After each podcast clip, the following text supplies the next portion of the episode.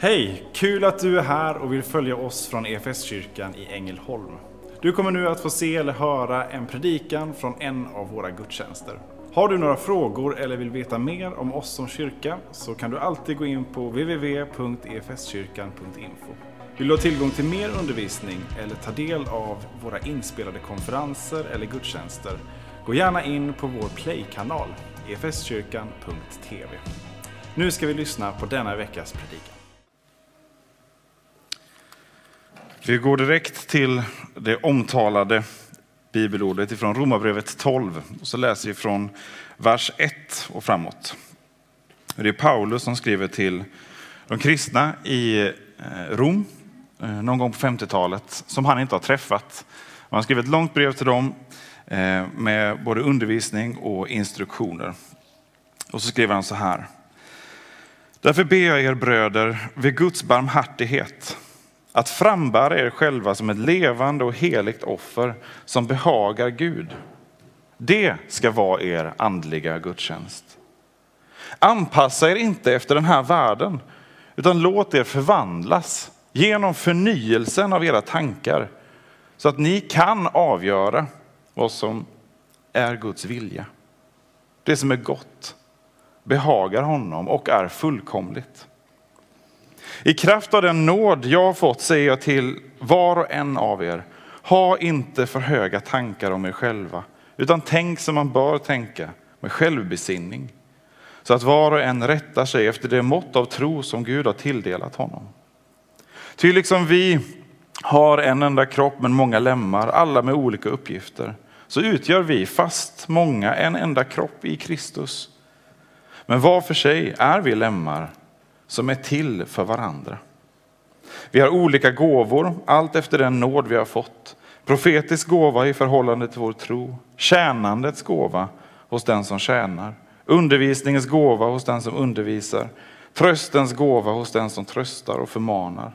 Gåvan att frikostigt dela med sig, att vara nitisk som ledare och att med glatt hjärta visa barmhärtighet.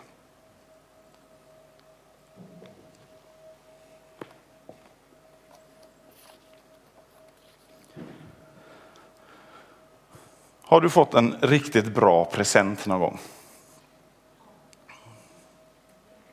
Vad är den bästa presenten du har fått?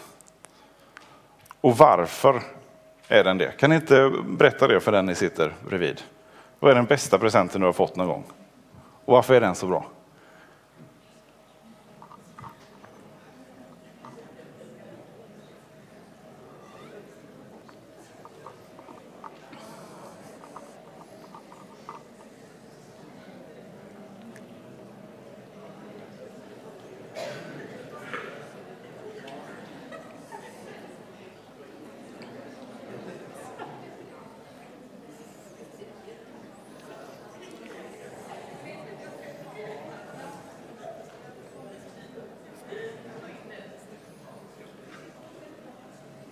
Ja, för någon så trillar det ner direkt. Man visste precis var. för någon annan så satt det långt inne.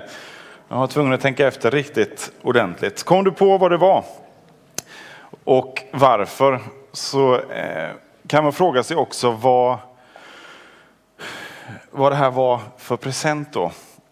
Om det är en present som har varit väldigt bra för dig eller om det är en present som har kommit andra till del också. Den här bästa presenten. Vårt fokus för gåvor, för presenter, är ju oftast den som får presenten. Det var jättetydligt igår när eh, min son Frank fyllde tre år. Eh, massor med presenter som han tyckte var roligt och som han tänkte det här kommer han gilla. Och han kommer kunna använda. Eh, inte utan ett visst mått av avundsjuka från andra runt omkring som också gärna ville ta del av det här. Men gåvorna som Romarbrevet talar om är, har ett helt annat fokus. Det är inte det här fokuset som vi har när vi ska klura ut en bra bröllopspresent eller en födelsedagspresent. Eller som vi oftast har det fokuset i alla fall. Eh, det finns kanske någon som tänker på, eh, på mottagarens omgivning också, redan i gåvan. Men här är fokuset helt och hållet omgivningen omkring den som får gåvan. De gåvor som ges till församlingen eh, är inte till för för den som får gåvan. Förutsättningen för det här är en annan gåva. Den största gåvan av dem alla. Och som Jesus, precis som alla andra gåvor och presenter ska vara, eh, gratis. Det är det som definierar en gåva. Tron på Jesus Kristus som ger oss rätten att kalla oss Guds barn. Den gåvan ges fritt och för intet och erbjuds varje skapad människa. Och den gåvan är densamma för alla. Och den är förutsättningen för de här gåvorna som, som Paulus sen talar om. Men den här gåvan, tron på Jesus Kristus, rätten att få kallas Guds barn, är det största vi någonsin kan få och allt vi någonsin behöver. För att Gud har gett oss den gåvan, att få kallas hans barn. Trots allt vi har gjort för att svika honom och för att vända honom ryggen. För att han har älskat oss, för att han har dött för oss medan vi ännu var syndare. Långt innan vi ens hade en tanke på om att bättra våra liv eller försöka göra förändring. Så blev Gud människa och dog för vår skull.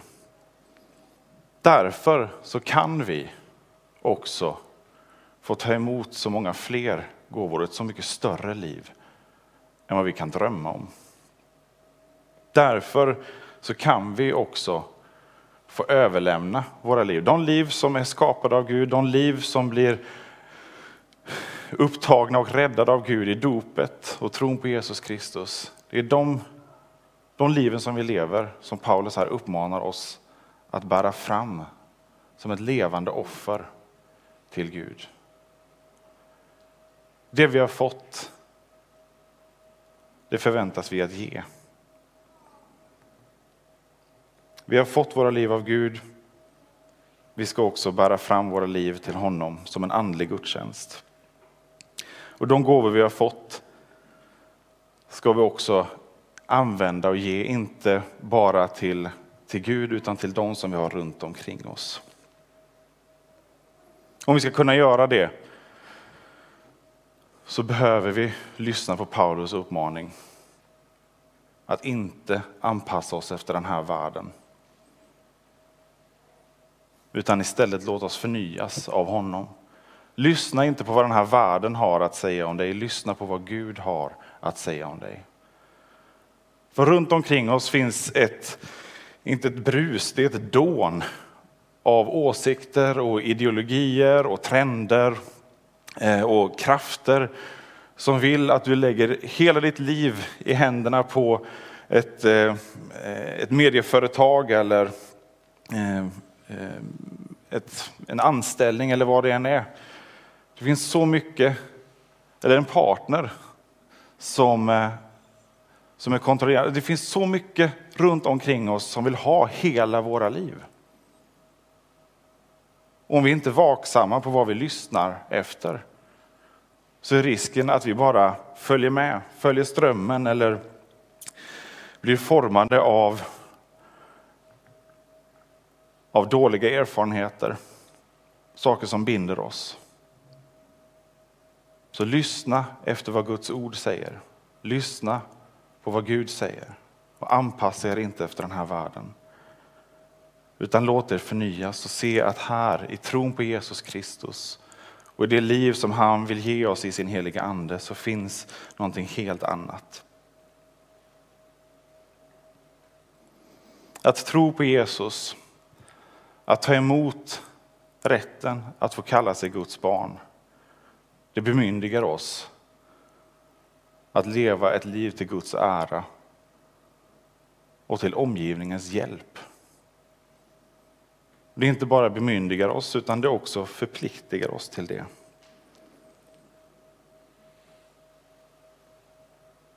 Vi tänker kanske ofta att vi lever våra liv för, för alla de behov som, vi, som bara finns där. Väldigt mycket kretsar kring att ha eh, råd med tillvaron, få Eh, vardagen att gå ihop. Vad finns det kvar? när vi ska engagera oss för något annat? Vad finns det kvar när vi ska låta Gud använda oss? Jag har den här kvarten kvar den här dagen. Eller jag har den här slotten i, i mitt livspaket som, som jag kan använda för, för något gott.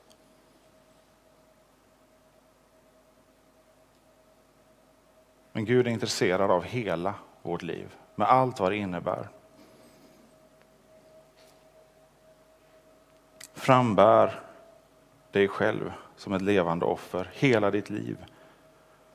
Det innebär med hela din personlighet, eh, dina fysiska förutsättningar, dina talanger, dina intressen, dina svagheter, det du saknar, de resurser du har, de relationer som du befinner dig i, både bra och dåliga. Allt det vill Gud att vi bär fram till honom.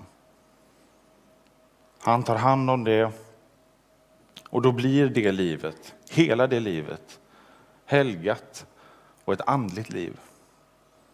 Låt oss inte göra den uppdelningen i våra liv att vi har, vi har en, en andlig sfär och en, en världslig sfär.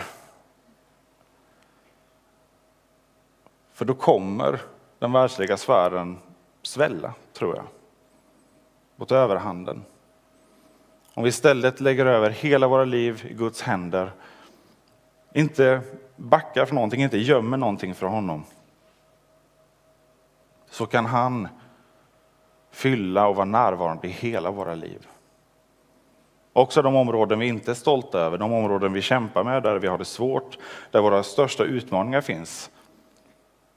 Där är det som viktigast att vi låter Gud vara Gud och få skapa liv och få bära oss. Hela livet kan få bli helgat av Gud, få bli ett andligt liv. Och Gud är så otroligt generös. Någon kanske får bilden av, av Gud som en, eh, en snarstucken och snål Gud som förväntar sig det ena och det andra och sätter upp snäva ramar för, för det. En, en gudsbild som, som kan tecknas upp för många kanske. Men Gud har gett allt, sitt eget liv, för att vi ska kunna ha allt. Han är den största givaren, den största förebilden i det. Och han ger i sin nåd nytt liv, han ger i sin nåd sin närvaro i varje område i våra liv. Och han ger i sin nåd möjligheten, kallelsen att också få ge vidare de gåvorna in i andra människors liv. Paulus förutsätter det här. När han skriver om det här så, så radar han upp en rad exempel och det, det som är förutsättning, det här, så här är det. Och man anar en förväntan att, att, han, eh, att Romförsamlingen redan har erfarit det här. Paulus förväntar sig att de har sett de här gåvorna så tar han dem som exempel och sätter in det i den här hela bilden. Och frågan är om du och jag har sett det här. Har vi sett vilka möjligheter det finns i ett andligt liv där Guds gåvor får komma till uttryck och få bli använda? Här skulle det vara jättespännande att få ha ett stort gemensamt samtal och vi skulle kunna få höra olika erfarenheter. Någon har enormt mycket erfarenhet, någon har begränsad, någon har absolut ingen erfarenhet och förstår inte alls vad man pratar om. Därför behöver vi den här helheten. Därför så kommer gåvorna till uttryck och till sin rätt när vi delar dem tillsammans. Det är ingen one man show det kristna livet. Ska vi dela tron så är det i gemenskap med andra kristna, i gemenskap med församlingen. Det är den modellen som, som Gud har satt upp. Vi fungerar som den här kroppen. Ibland funderar jag på, när vi läser om gåvorna och när jag, eh, man hör undervisning om det, så ibland funderar jag på om vi ens har börjat pilla av pappret på den här gåvan, eller om vi sitter och beundrar gåvan på avstånd, kanske med lite bävan för vad som händer om vi öppnar upp pappret. Kanske för att vi redan har skapat oss en bild av vad som finns under det här omslagspappret. Ja, det där är en boll, det syns jättetydligt. Jag är inte så sugen på en boll. Men det var det kanske inte. Kanske var ett jordklot med möjlighet till navigation genom livet, vad vet jag. Tramsiga bilder, men jag tror att det finns för många saker som gör att vi inte vågar närma oss de här gåvorna. För att det känns kanske eh, spektakulärt eller mystiskt eller konstigt med, med andliga gåvor, med nådegåvor. Kanske har någon eh, erfarenhet av hur det har brukats och där det har blivit helt tokigt. Därför att fokus inte har varit på Gud och på hur gåvorna kommer i funktion för andra människors skull, utan där det istället har blivit mänskligt. Där man har gått raka motsatsen till det Paulus skriver, ha inte för höga tankar om er själva. Jag vet inte hur många gånger jag har sett någon som fungerar väldigt starkt i en nådegåva, någon som ber för många som blir eh, friska. Eller någon som har gåvan att profetera och att få tala in i människors liv. Och så tänker jag, wow, vilken människa det här är. Som har så stark kraft eller tro. Och så är mitt fokus direkt på människan. Livsfarligt för den människan när omgivningen har det fokuset. Är man inte vaksam på det så över tid så kan det spåra ordentligt. När vi lyfter människan och den som har fått ta emot gåvan istället för den som ger gåvan. Har du sådana erfarenheter där det har blivit helt fel och det har skapat en rädsla för det liv som, som Gud vill att församlingen ska leva så vågar jag lova dig att det finns helande och upprättelse ett nytt mod och en ny längtan också efter de här gåvorna. Jag hade under ett par, tre år eh, efter att ha varit med på ett läger där eh, en, ett böneteam spårade ur eh, helt som jag var med i. Och vi, vi såg oss som ovärdeliga för det här lägret. Om inte vi fick be precis som vi ville, när vi ville och var vi ville så skulle allting rasa ihop. Vi satte oss själva mycket, mycket högre Eh, en Gud och de som vi var satta att be för. Och vi började se oss själva som någon andlig elit. Eh, och i slut, efter bara några dagar så eh, såg vi demoner överallt tyckte vi och, och motstånd och motstånd och motstånd. Och så var fokus på något helt annat än att Gud är stor, att Gud är den som har makten och att Gud är den som ger. Fokus var på oss själva och på motgångarna och hoten. Det blir nästan en crash course i hur man skapar en liten sekt eller spårar ur på bara några dagar. Ingen insyn i det här lilla teamet. Helt fel fokus. Och det tog flera år innan jag vågade närma mig något sammanhang som kallade sig karismatiskt eller vågade längta efter att be om att få, få höra Gud tala eller använda den profetiska gåvan. Allt sånt ville jag inte veta av längre för att det hade gått så snett. Och det var bara ett ungdomsläger.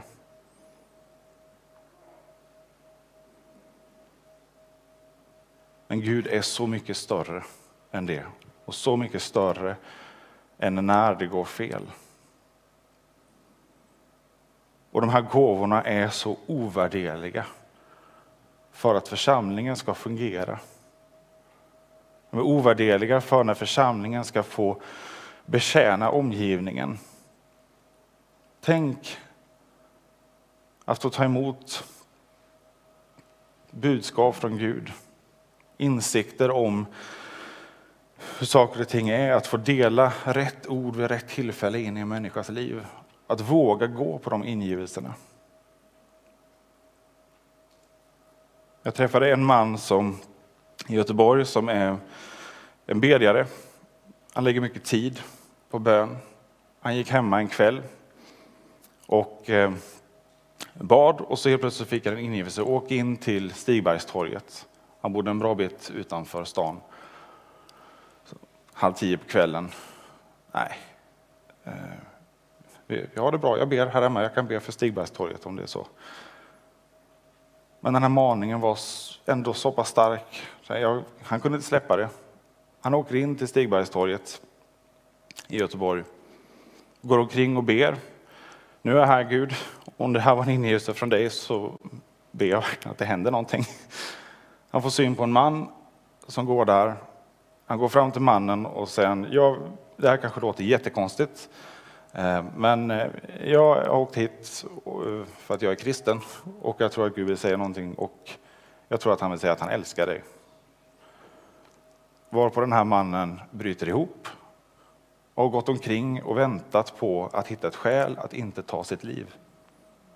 För det hade han bestämt sig för att göra den kvällen. En väldigt enkel man, den här bedjaren.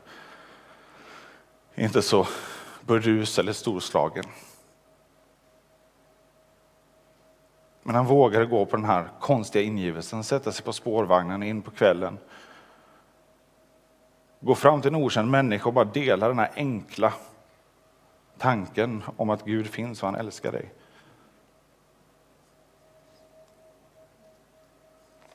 Det här livet, det är församlingens liv. Det livet är ett liv där gåvorna får komma i funktion. Men det finns många hinder för oss i vägen för det här. Vi är så upptagna med livspusslet, vi är så upptagna med eh, allt vi har. Och för många av oss så finns det också en rädsla i vägen för det här.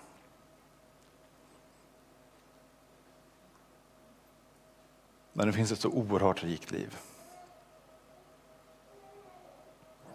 Därför behöver vi frambära oss själva till Gud. Därför behöver vi få överlämna oss alla livets områden. Alla bitar som är en enorm utmaning att få ihop. Alla rädslor som vi har, vare sig det är en rädsla för Gud själv, för gåvorna, rädslan för att misslyckas i det, rädslan för att jag kanske inte får bönesvar. Eller om det är rädslor som rör helt andra områden i livet så att du blir helt upptagen av det. Jag är övertygad om att Gud vill ha hela våra liv med allt vad det innebär. Och att vi får och kan och bör överlämna oss själva med allt vad det innebär.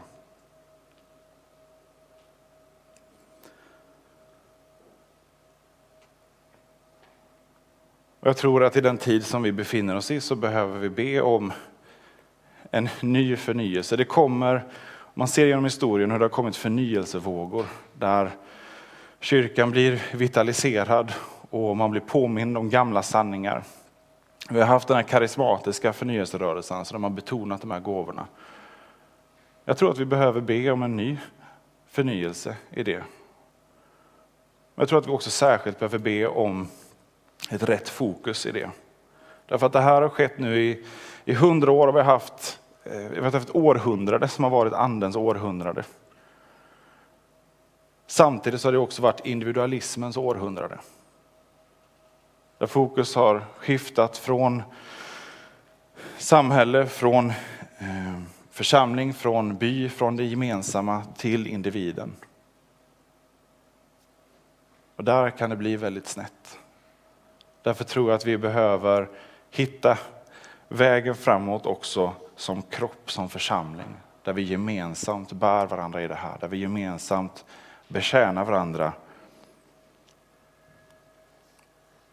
Där vi gemensamt ger det vi har fått som gåva.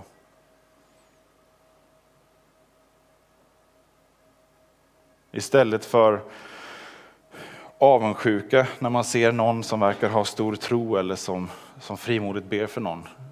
Istället för att avundsjukt gå och muttra över det eller kanske gå och gömma sig för att inte bli jämförd med den här store troshjälten. Så ta rygg på istället och gå fram. Kan du lära mig? Vad är din väg till att få den här frimodigheten? Vad är din väg till att be? Hur gör du? Hur funkar den här delen av tron i ditt liv? Mina vänner, ni är en skattkammare av erfarenheter av Gud och erfarenheter av tron i livet med uppgångar och nedgångar. Men hur lite vet vi egentligen om varandra?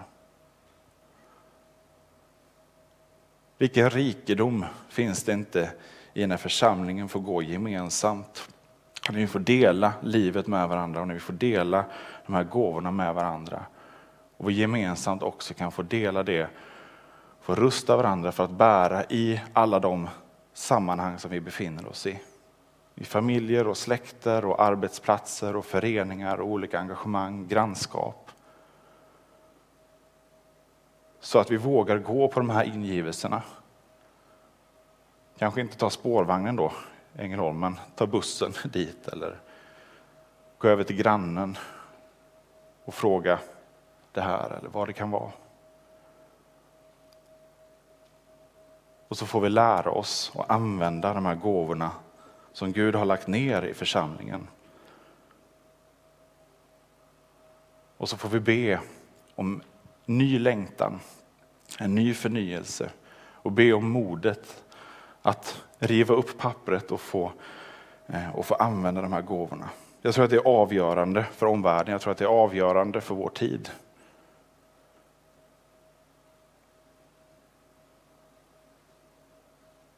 Församlingen är världens hopp. Det är Guds plan för den här världen. Missionen sker genom Kristi kyrka.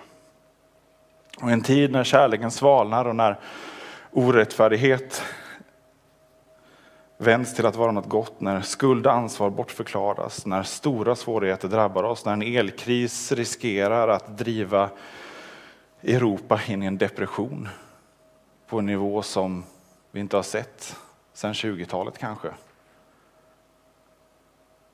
Så är risken större än på länge att vi övermannas av rädsla. Och att rädslan driver på polariseringen. Och oenigheten i samhället än värre än vad vi har sett hittills.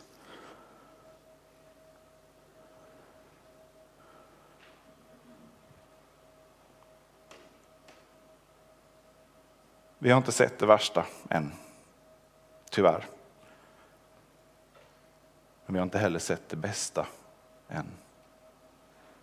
Vi har inte sett än hur kraftfullt det kan vara när en vanlig församling med vanliga människor överlämnar sina liv till Gud och låter Gud vara Gud. Där Jesus får bli Herre och där han får använda församlingen för den här världens skull. Det finns ett hopp, ett botemedel, den fullkomliga kärleken hos Jesus Kristus som driver ut all rädsla.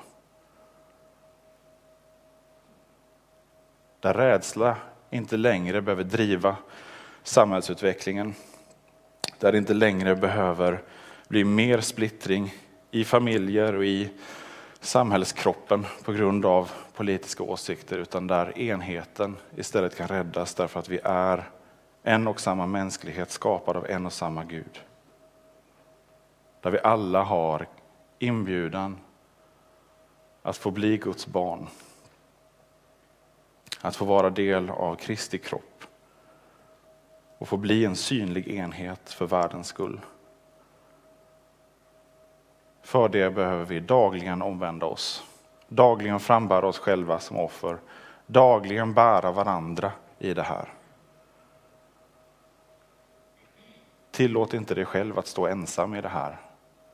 Sök stöd. Ta kontakt med oss i kyrkan om du känner att du står ensam i tron och i livet. Och tillåt inte heller någon annan du ser att stå ensam i det. Bjud in, fråga, stötta.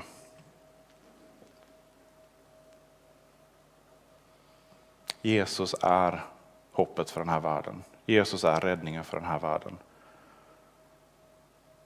Och han kallar oss att vara en del av det.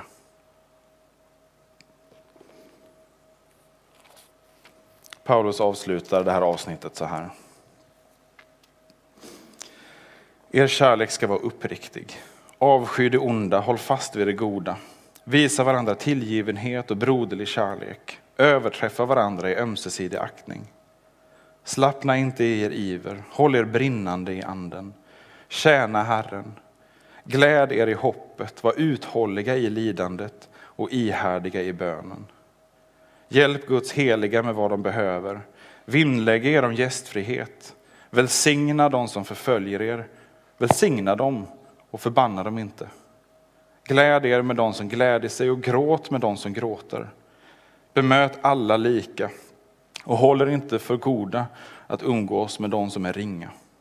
Var inte självkloka. Löna inte ont med ont. Tänk på vad som är riktigt för alla människor. Håll fred med alla människor så långt det är möjligt och kommer an på er. Ta inte rätten i egna händer, mina kära, utan låt Guds vrede ha sin gång. Till det står skrivet, min är hämnden, jag ska utkräva den, säger Herren. Men är din fiende hungrig, ge honom att äta. Är han törstig, ge honom att dricka. Då samlar du glödande kol på hans huvud. Låt dig inte besegras av det onda, utan besegra det onda med det goda. Som kyrka är det en glädje att få spela en liten roll av allt Gud gör i och genom ditt liv. Vi vill gärna fortsätta följa dig på den resan. Och vill du ta reda på vad ditt nästa steg kan vara på din resa med Gud så gå in på efskyrkan.info nästa steg. Vår längtan är att få se människor och samhällen förvandlade av Jesus. Genom en kyrka som återspeglar Guds hjärta, bär varandra och betjänar människor varhelst vi befinner oss varje dag.